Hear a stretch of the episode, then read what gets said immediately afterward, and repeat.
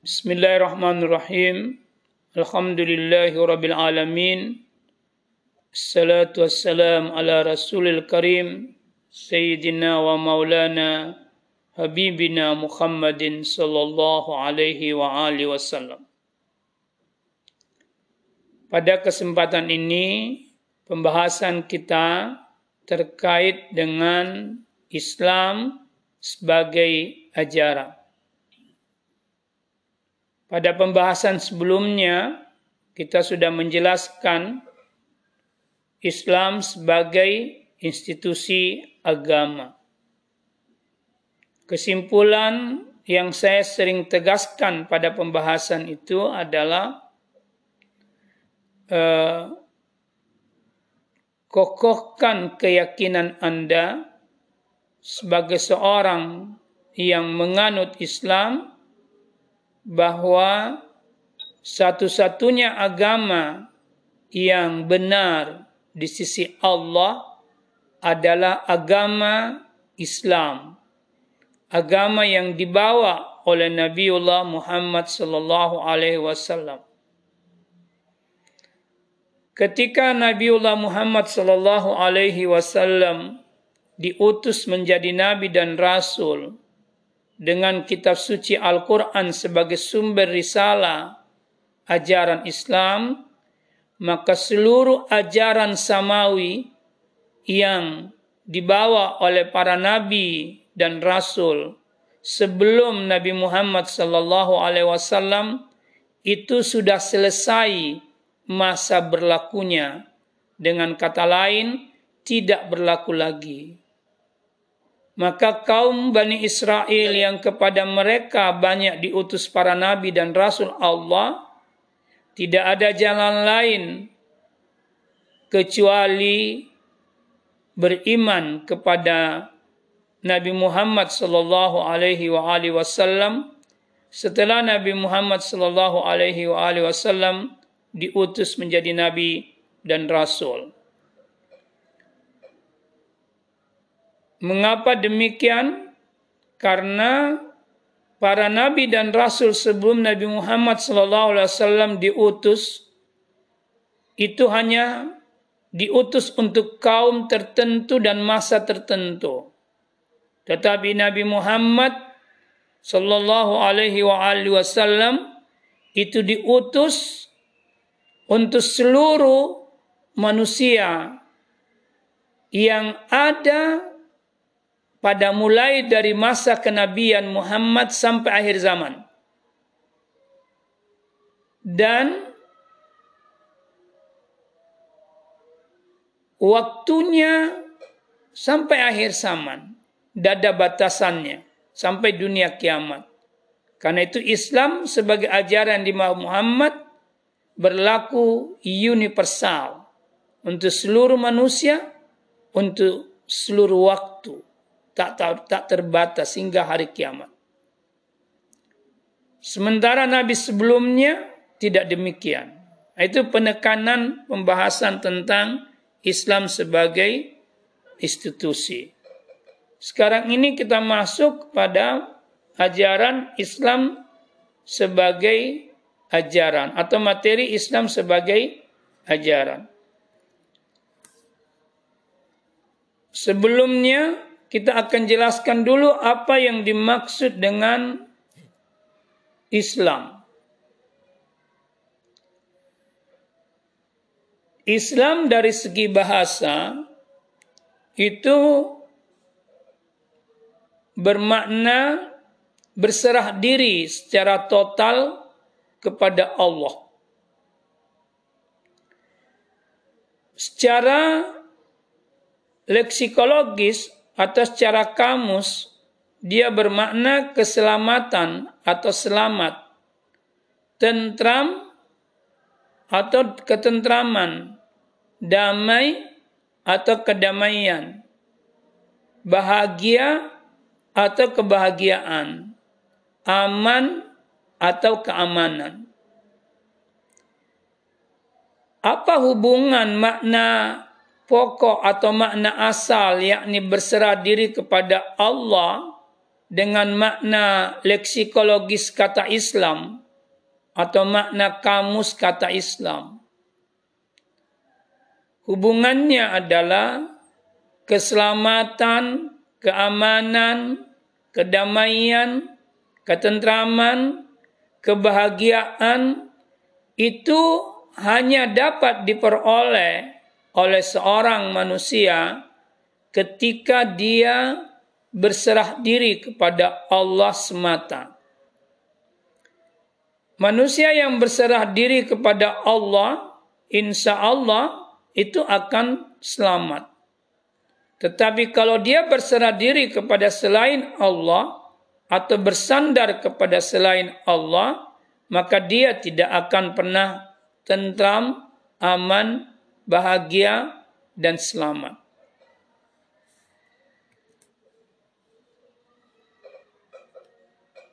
Sekarang pertanyaannya adalah bagaimana sebenarnya yang dimaksud dengan berserah diri kepada Allah sebagai makna dasar atau makna pokok dalam Islam. Itu dapat dipahami dari dalam sebuah ilustrasi dari hadis Nabi Shallallahu Alaihi Wasallam. Ya, An Nabi Shallallahu Alaihi Wasallam Ini sebuah hadis ya.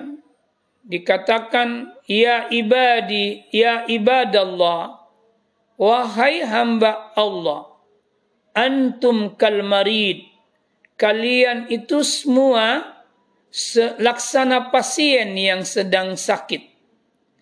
Wa Rabbul Alamin katabib. Dan Tuhan semesta alam seperti dokternya.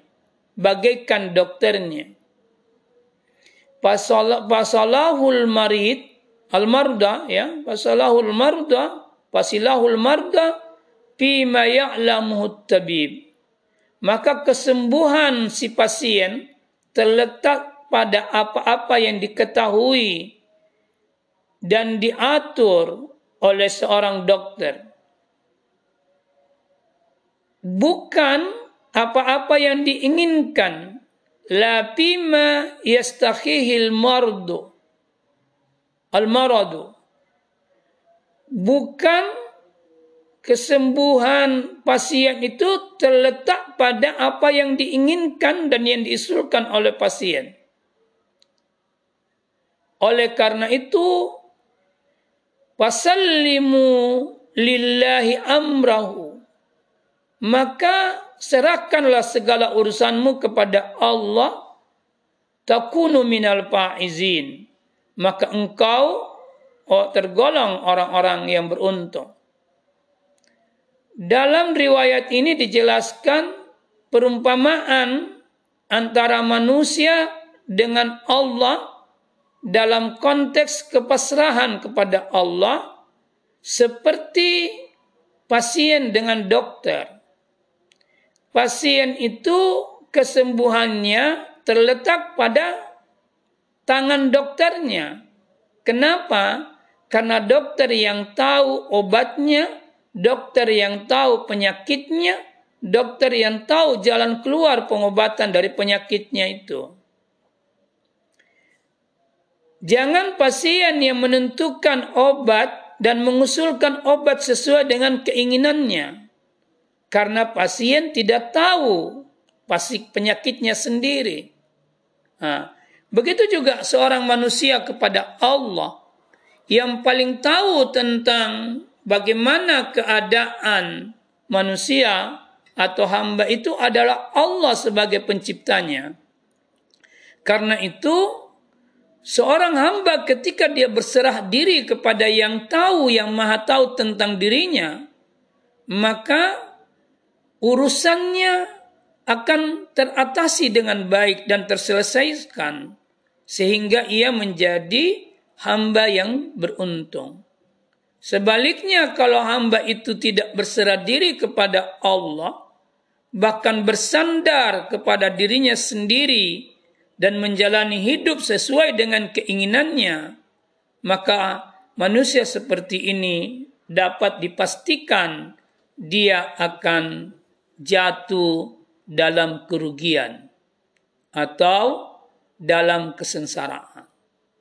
Jadi sebenarnya berserah diri kepada Allah atau berislam itu harga mati dalam kehidupan. Itu sebuah kemestian, kewajiban dan kemutlakan di dalam hidup ini kalau seseorang itu ingin hidupnya damai, tentram, dan selamat. Ha. Selanjutnya, Islam sebagai ajaran itu intinya adalah tauhid. Apa yang dimaksud dengan tauhid? Tauhid itu mengesahkan Allah. Menunggalkan Allah. Baik dari segi satnya maupun dari segi sifatnya maupun dari segi perbuatannya. Jadi kita mengenal di dalam ajaran Islam itu apa yang disebut dengan tauhid sati tauhid asma wa sifat dan tauhid perbuatan. Tiga kategori atau pembagian tauhid ini itu bersifat teoritis. Karena dia bersifat teoritis, maka dia mesti diilmui mesti dipahami sehingga ketika dia diilmui dan dipahami maka dia melahirkan sebuah keyakinan yang kuat tentang ketunggalan Tuhan baik dari segi saatnya asma dan sifatnya maupun dari segi perbuatannya. Ketika orang sudah memahami dengan baik tauhid teoritis ini, maka ada konsekuensi logis yang wajib hadir dari kesadaran atau keilmuan tentang tauhid teoritis tadi, yakni yang disebut tauhid praktis. Apa yang dimaksud dengan tauhid praktis? Tauhid penghambaan hanya kepada Allah Subhanahu wa taala. Atau kita sebut dengan tauhidul ibadah tauhid penghambaan kepada Allah Subhanahu wa taala. Inilah yang dimaksud dalam kalimat la ilaha illallah. Tidak ada yang pantas disembah kecuali Allah Subhanahu wa taala kalau dalam tauhid teoritis itu yang dimaksud di dalam surah Al-Ikhlas. Auzubillahi. Kul huwallahu ahad. Katakan bahwa Allah itu ahad. Katakan Muhammad bahwa Allah itu ahad. Allahu samad. Allah tempat bergantung. Allah tempat bersandar lam yalid wa lam yulad. Tidak beranak dan tidak diperanakan. Walam yakul lahu kufuwan ahad. Dan tidak ada sesuatu yang uh, menandinginya. Jadi di dalam eh, tauhid di dalam surah al-ikhlas yang disebut dengan surah tauhid yang berisi tentang ajaran tauhid itu bersifat teoritis.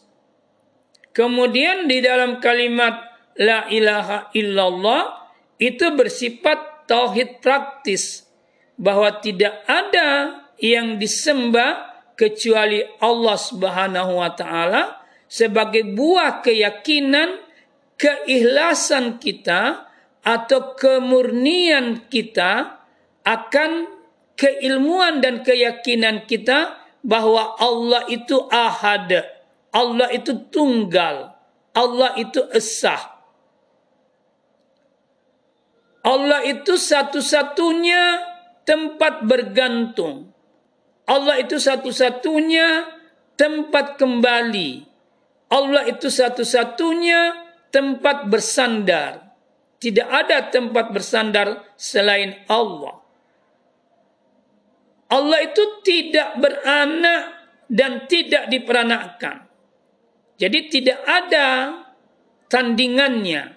Tidak ada yang sekupu dengannya. Dia tidak serupa dengan makhluk yang beranak dan diperanakkan. Allah itu tidak butuh selain dirinya. Allah itu maha kaya, maha gani. Dia tidak membutuhkan selain dirinya dalam keadaan uh, apa pun. Dia tidak butuh beda dengan makhluk yang butuh selain dirinya. Maka Allah disebut Al-Ghani, dia maha kaya dan dia eh, sementara makhluk itu Al-Fakir, dia maha membutuhkan. Dia membutuhkan Allah Subhanahu wa taala sebagai yang maha kaya. Bukankah yang fakir itu membutuhkan yang kaya? Dan bukankah yang maha kaya itu tidak membutuhkan sesuatu dari yang fakir? Makanya Quran mengatakan laisa kamislihi syai. Tuhan itu tidak ada yang serupa dengannya dan tidak ada penyerupaan yang menyerupainya.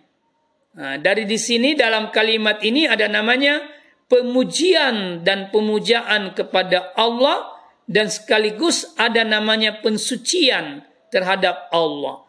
Allah disucikan dari segala sesuatu yang serupa dan yang menyerupainya pada saat yang sama kita bertasbih kepada Allah Subhanahu wa taala mengagungkan dan membesarkannya. Itulah itulah makna tauhid. Semua agama yang dimawa oleh nabi dan rasul itu mengajarkan konsep tauhid ini. Jadi Nabi Isa alaihissalam mengajarkan konsep tauhid. Nabi Musa juga mengajarkan konsep tauhid. Nabi Ibrahim juga mengajarkan konsep tauhid. Semua nabi yang diutus sebelum Nabi Muhammad mengajarkan konsep tauhid. Dengan kata lain, konsep tauhid itu atau ajaran tauhid itu bersifat universal Itulah sebabnya bangsa Yahudi tercelah dan jatuh dalam kesirikan karena dia merubah ajaran tauhid menjadi ajaran syirik. Salah satu bukti kesirikan mereka, mereka mengangkat Uzair sebagai anak Tuhan atau menjadikan Uzair sebagai anak Tuhan. Padahal kata Al-Quran seperti yang diajarkan di dalam surah Al-Ikhlas, Allah itu tidak beranak dan tidak diperanakkan. Tapi kaum Bani Israel itu mengajarkan bahwa Uzair adalah anak Tuhan. Di sini dia menjadi menyimpang dari ajaran tauhid yang diajarkan oleh Nabi yang diutus kepada mereka. Begitu juga kaum Nasrani itu mengangkat Nabi Isa alaihissalam sebagai anak Tuhan.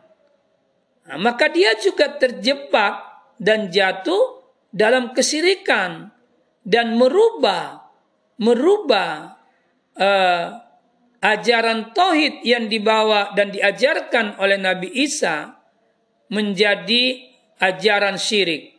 Bahkan Nabi Isa dianggap sebagai Tuhan.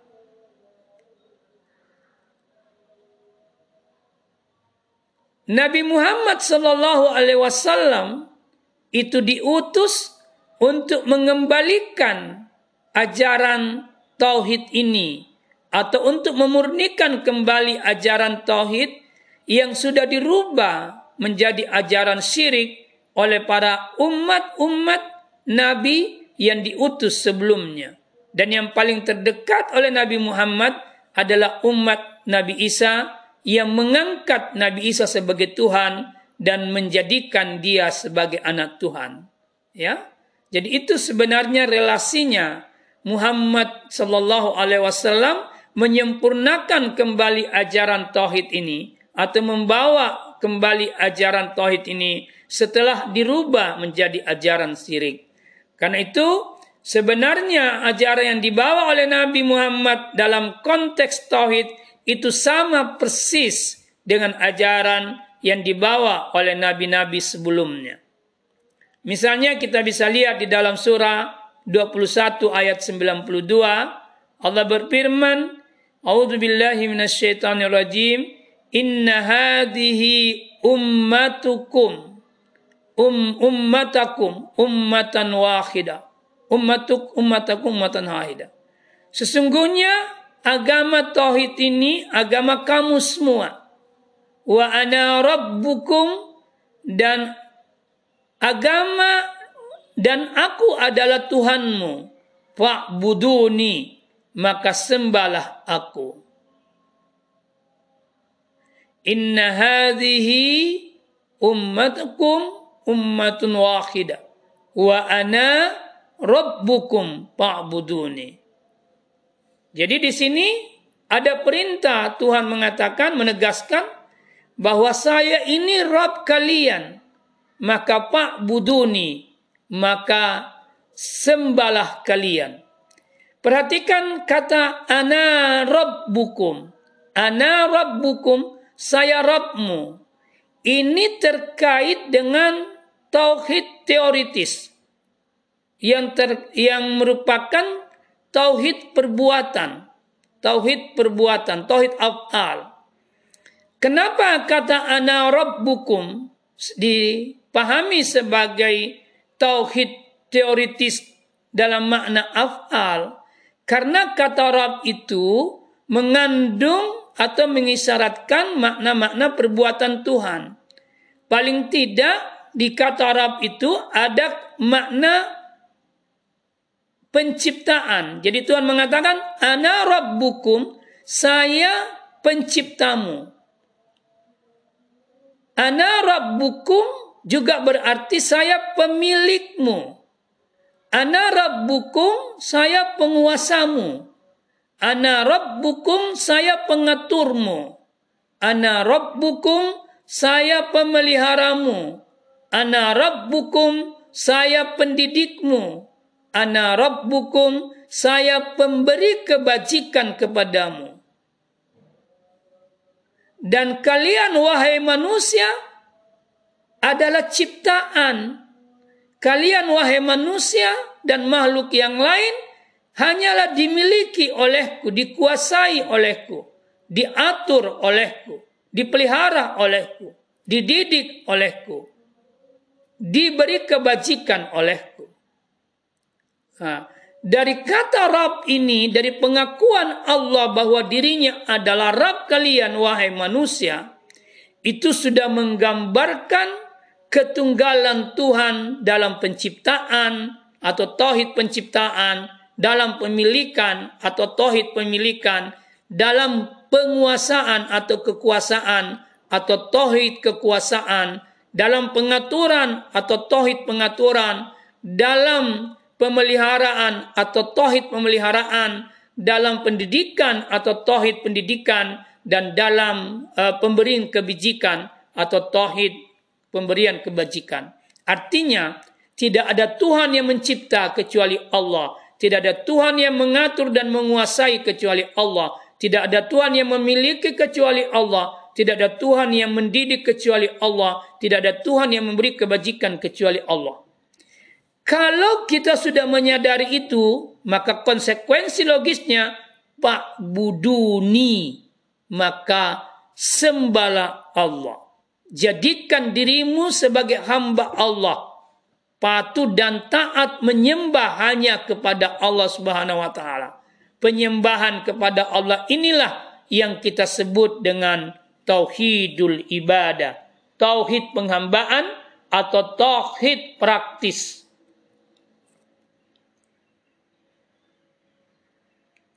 Ya. Nah, jadi Ada ayat di dalam Al-Quran yang menggambarkan bahwa sebenarnya manusia itu memang dicipta hanya untuk menyembah Allah. Setelah dia mengenalnya. Jadi dia menyembah Allah setelah dia mengenalnya. Ayat yang dimaksud itu terdapat di dalam surah Az-Zariyat. Ayat surah ayat Zariyat itu surah ke-51 ayat 56. Di dalam ayat itu dijelaskan, A'udzu billahi minasyaitonir rajim, wa ma halaqtul jinna wal insa illa liya'budun. Tidaklah aku menciptakan manusia dan jin kecuali untuk menyembah kepadaku. Kecuali untuk menyembah kepadaku. Apa yang dimaksud dengan illa liya'budun itu ada dua maknanya. Yakni kecuali dia mengenaliku, mengenalku, memakrifatiku. Mengenalku sebagai Rabbnya dan mengenalku sebagai ilahnya. Pak Buduni. Setelah dia mengenalku, maka dia melakukan penyembahan kepadaku. Jadi kita harus mengenali Tuhan sebagai Rabb pencipta kita, pengatur kita, penguasa kita, pemelihara kita. Lalu kemudian pengenalan itulah atau tauhid teoritis seperti itulah yang mengantar kita kemudian menyembah kepada Tuhan atau menghambakan diri kepada Tuhan. Paling tidak ada dua pengenalan yang harus kuat dalam diri kita sebelum kita sebagai landasan atau sebagai pondasi penyembahan kita kepada Allah sehingga penyembahan itu menjadi sempurna yakni pengenalan kita tentang tauhid teoritis yakni tauhid af'al dan tauhid asma dan sifat dan tauhid sati. Mengenali perbuatan Tuhan, mengenali asma dan sifat Tuhan itu juga yang disebut dengan mengenali sat eh, tauhid sat sati. Tauhid sati. Jadi tauhid af'al, tauhid asma dan sifat dan tauhid sat itu satu kesatuan yang tidak terpisahkan sebagai sebuah bentuk tauhid teoritis yang sebagai landasan atau menjadi landasan atau pondasi yang kuat untuk melakukan penyembahan kepada Allah sebagai bentuk tauhid praktis. Hubungan antara tauhid teoritis dan tauhid praktis ini itu jelas sekali di dalam ayat surah Al-Baqarah ayat ayat 21. Ketika Allah berkata, "Ya ayuhan nas, Wahai manusia, seluruh manusia dipanggil, seluruh manusia diseru, U'budu rabbakum, sembah Rabbmu, alladhi khalaqakum, yang menciptakan kalian. Kenapa Rabb itu harus disembah? Karena dia menciptakan kita. Dia yang memelihara kita. Dia yang mengatur kita. Dia yang menguasai kita dan seterusnya. La'allakum tattaqun. Apa tujuan tertinggi atau pencapaian tertinggi dalam gerakan atau penghambaan diri kepada Allah Subhanahu wa taala atau penyembahan itu adalah menjadi orang-orang yang bertakwa. Menjadi atau mencapai derajat spiritual yang disebut dengan takwa. Takwa ini harus menjadi cita-cita tertinggi dalam kehidupan setiap manusia. Makanya disebut di dalam Al-Quran perintah Ittaqullah haqqa tukati. Bertakwalah kalian kepada Allah dengan sebenar-benarnya takwa. Wala tamutunna illa wa antum muslimun. Dan jangan kalian mati sebelum engkau betul-betul berserah diri kepada Allah Salah satu bentuk daripada ketakwaan yang sempurna itu adalah ketika orang sudah mampu berserah diri kepada Allah Subhanahu wa taala. Dalam ayat lain dikatakan, "Inna akramakum indallahi atkakum." Sesungguhnya kemuliaan tertinggi di sisi Allah adalah yang paling bertakwa kepada Allah. Orang yang paling mulia di sisi Allah yang paling bertakwa kepada Allah Subhanahu wa taala. Karena itu cita-cita tertinggi dalam hidup ini adalah meraih derajat takwa setelah kita melakukan penghambaan kepada Allah secara praktis dan penghambaan itu dilandasi dengan kesadaran tauhid zati, tauhid sifat dan asma atau tauhid asma dan sifat dan tauhid af'ali sebagai bentuk tauhid teoritis. Yang kedua, takwa itu menjadi bekal kehidupan. Kata Al-Qur'an, "Wa tazawwadu fa inna khairaz zadi taqwa." Berbekallah kalian dalam hidupmu Sesungguhnya bekal yang paling baik adalah takwa kepada Allah sebagai buah atau tujuan atau puncak tertinggi dari hasil penghambaan kepada Allah. Yang ketiga, takwa itu sebagai pakaian kehidupan. Quran menjelaskan seperti itu. Walibasut takwa. Jadikanlah takwa itu sebagai pakaian kehidupanmu. Dan yang keempat, takwa itu harus menjadi pandangan dunia kemuliaan. Pandangan dunia kemuliaan. Seperti yang saya sudah jelaskan tadi, bahwa orang yang paling mulia di sisi Allah hanyalah orang-orang bertakwa. Maka kalau Anda mau melihat kemuliaan, lihatlah orang yang bertakwa. Tidak ada orang yang mulia kecuali dia sudah menjadikan takwa sebagai pakaiannya, dia sudah menjadikan takwa sebagai bekalnya, dan dia menjadikan takwa sebagai cita-cita tertinggi dalam hidupnya. Kalau dia belum bertakwa, maka tidak ada kemuliaan di sisinya. Ya. Jadi sekali lagi seluruh nabi dan rasul mengajarkan tauhid. Baik itu tauhid teoritis maupun itu tauhid praktis. Itu didasarkan juga di dalam ayat surah 36 eh, surah 16 ayat 36. Quran mengatakan walakad ba'asna bi kulli ummatin rasula. Sesungguhnya kami telah mengutus pada setiap umat itu seorang rasul. Dan setiap rasul itu menyeru apa seruannya? U'budullaha wajatani buttagut. Sembahlah Allah. Itu tadi. Sembahlah Allah. Saya kira jelas ya. Di dalam ayat yang lain disebutkan wa ma arsalna min qablika min rasulin illa nuhi ilaihi tidaklah kami mengutus seorang nabi atau seorang rasul sebelummu Muhammad kecuali dia atau diwahyukan kepadanya pengajaran la ilaha illa ana tidak ada ilah kecuali saya tidak ada yang disembah kecuali Allah. Itu puncak makna dari kata ilah. Kata ilah juga berarti la ilaha tidak ada yang ada kecuali Allah. Allah adalah sumber keberadaan. Semua yang ada di atas bumi ini itu diadakan oleh Allah. Allah satu-satunya yang tidak diadakan karena memang dia tidak pernah tidak ada. Semua yang diadakan pernah mengalami ketiadaan. Satu-satunya yang tidak pernah mengalami ketiadaan adalah Allah. Oleh karena itu dia menjadi sumber keberadaan. Itu makna ilah yang pertama. Makna ilah yang kedua, tidak ada yang terpuji kepada kecuali Allah.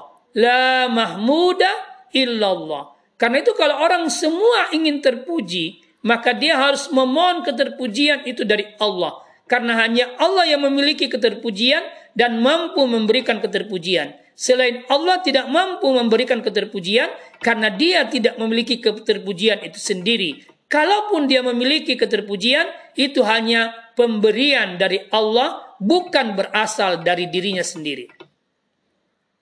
Makna ilah yang ketiga adalah yang dituju, yang menjadi tujuan. Jadi la ilaha illallah tidak ada yang menjadi tujuan kecuali Allah Subhanahu wa taala. Maka semuanya urusan manusia dan manusia itu sendiri dan seluruh makhluk kembalinya kepada Allah Subhanahu wa taala. Kenapa? Dia dari Allah dan kembali kepada Allah. Nahnu minallah wa narji ilallah. Kita dari Allah dan kembali kepada Allah. Itu maksud kalimat yang sering kita baca kalau kena musibah, inna lillahi wa inna ilaihi rajiun. Yang keempat, makna ketiga daripada Rab itu yang makna keempat adalah tidak ada yang dicintai kecuali Allah Subhanahu wa taala. Artinya artinya apa?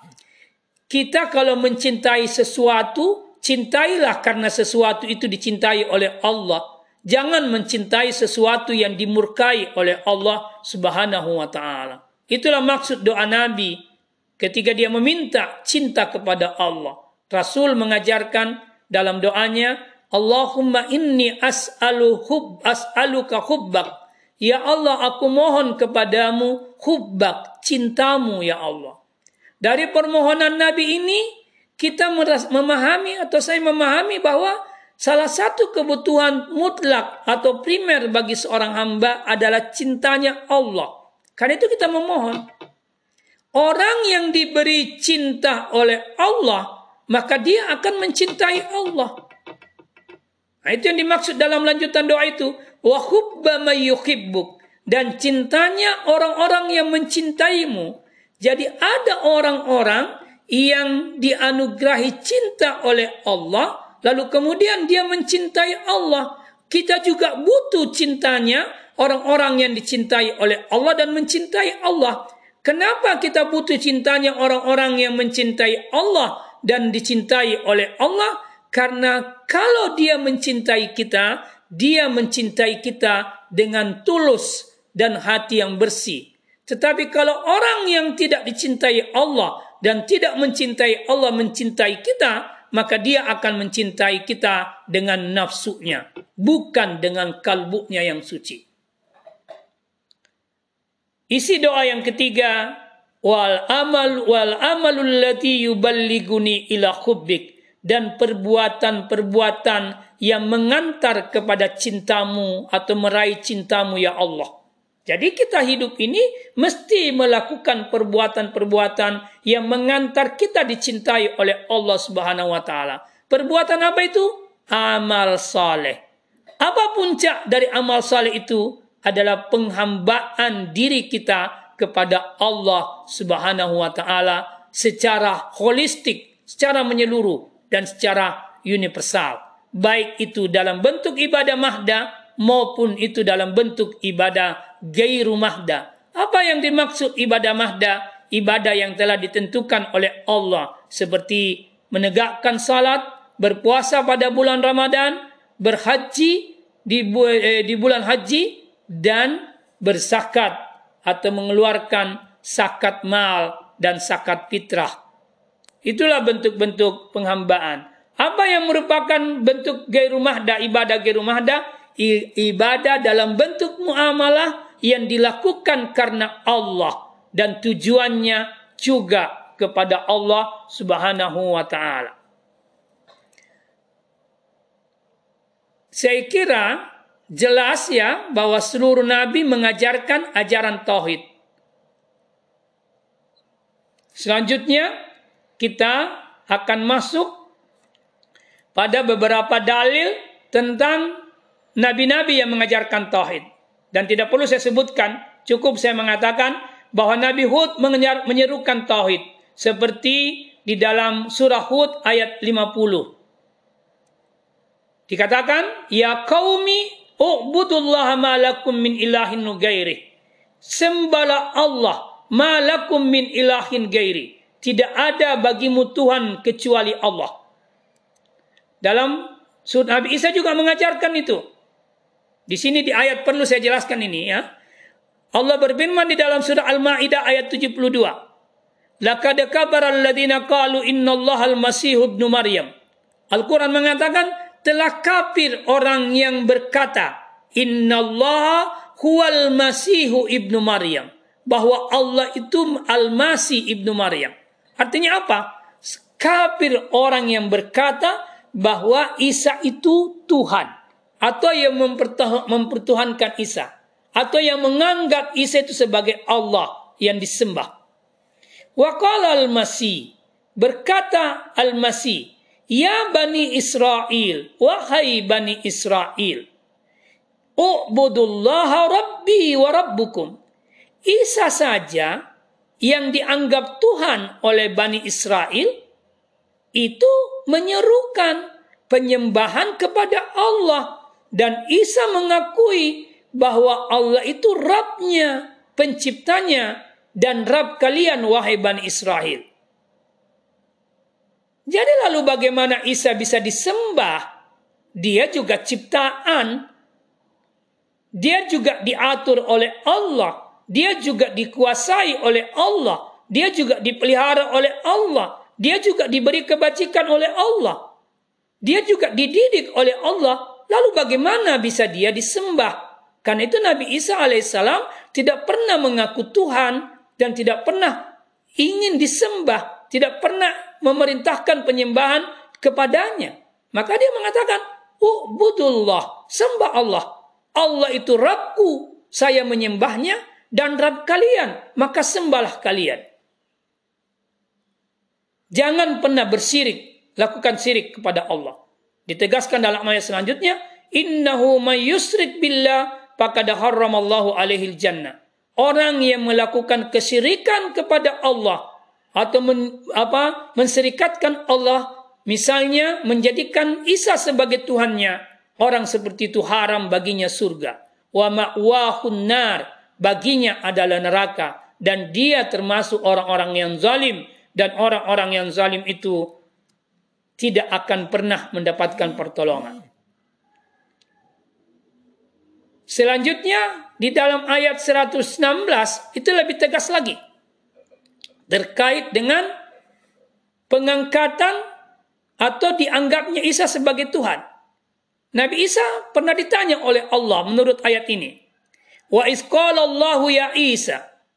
Dan ingatlah ketika Allah berkata kepada Isa ibnu Maryam, "A'anta qulta linnas, hai Isa, putra Maryam, adakah kamu mengatakan kepada manusia, A'anta qulta linnas, apa kamu yang berkata kepada manusia, ittahuzuni, jadikanlah aku wa ummi dan ibuku yakni Maryam ilahain dua orang Tuhan selain Allah min dunillah jadi Nabi Isa pernah ditanya itu apa jawabannya Nabi Isa dia mengatakan subhanaka maha suci engkau ya Allah ma yakunu li an aqula ma laysa li bihaqqin ha Tidaklah patut bagiku mengatakan apa yang bukan hakku untuk mengatakannya.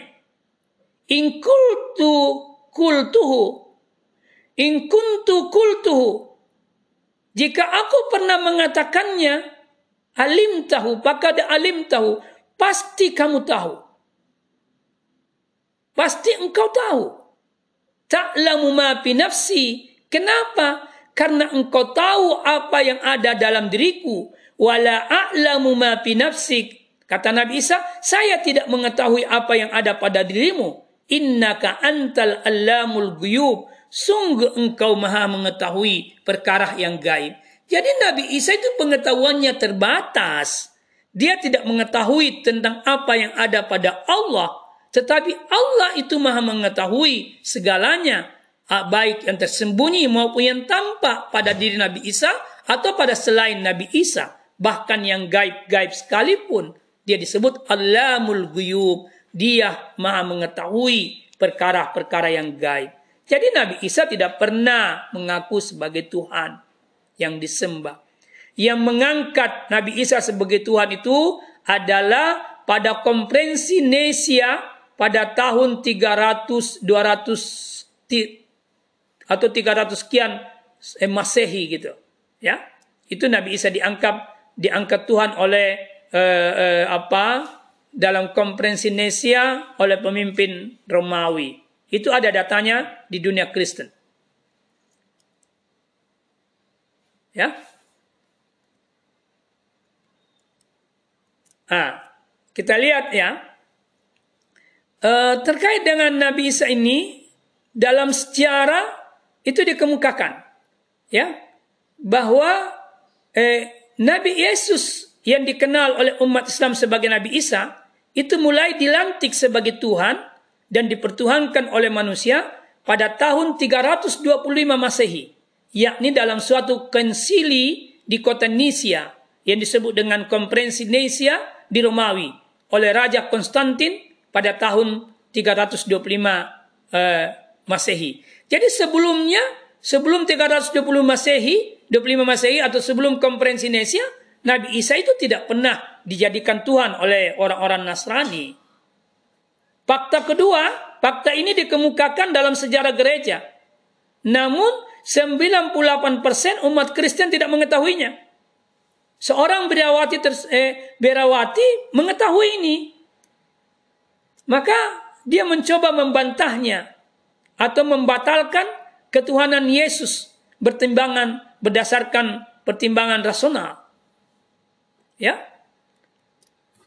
Apa bantahannya biarawati yang kritis itu?